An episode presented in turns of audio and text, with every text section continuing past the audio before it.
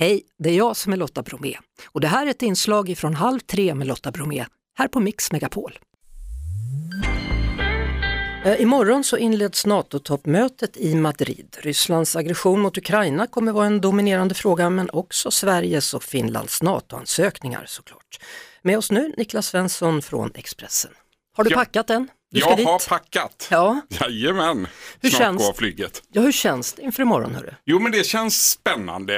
Eh, det händer ju saker nu när vi står här i studion. Magdalena Andersson är i Bryssel och har möte med Jens Stoltenberg, NATOs generalsekreterare. Och imorgon äger ju det här mötet mellan Magdalena Andersson och Recep Erdogan, Turkiets president, rum i Madrid. Det blir väldigt spännande. Ja det blir det och vi hörde alldeles nyss i nyheterna då att man ska utöka antalet NATO-soldater i Europa från 40 000 till 300 000.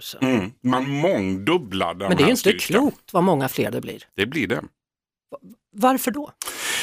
Det handlar om, enligt Jens Stoltenberg, om att man i ett krisläge ska ha tillgång till betydligt fler soldater än vad man har idag. Och, eh, Stoltenberg har ju tidigare varit tydlig med att vi, precis som svenska politiker, har ett försämrat omvärldsläge. Säkerhetsläget i vår del av världen har försämrats avsevärt eh, med anledning av kriget i Ukraina.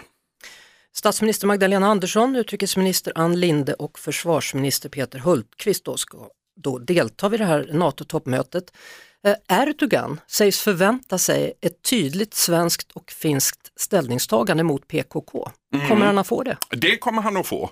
Men eh, han har ju ställt upp en massa olika krav. Det är ju en lista på tio punkter som har riktats till Sverige och Sverige kan inte gå med på alla de här punkterna. Framförallt handlar det om människor som Erdogan vill ha utlämnade från Sverige. Och i flera av de fallen så har ju den svenska regeringen varit tydlig med att det kommer inte att ske. Så att frågan är ju om Erdogan backar eller eh, om han kommer att stå fast vid det kravet och vad som händer då. Och vad händer med Finland då? Om de nu får klartecken, går de utan oss då?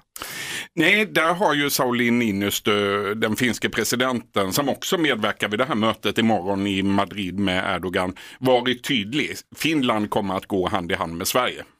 Så vad betyder det här då? Kan det sluta med att Sverige och Finland helt enkelt drar tillbaka sina NATO-ansökningar? Det skulle det ju rent teoretiskt kunna betyda, men det tror jag inte kommer att ske. Utan man kommer att ro i land det här förr eller senare. Och det, man hade ju hoppats, väldigt många hoppas ju, att det här ska gå i lås fortfarande innan NATO-toppmötet är slut. Det slutar ju på torsdag i Madrid. Eh, och möjligen har man kommit några steg till på vägen. Det pågår nu febrila aktiviteter i flera länder. I Bryssel alltså är Magdalena Andersson just nu med Jens Stoltenberg.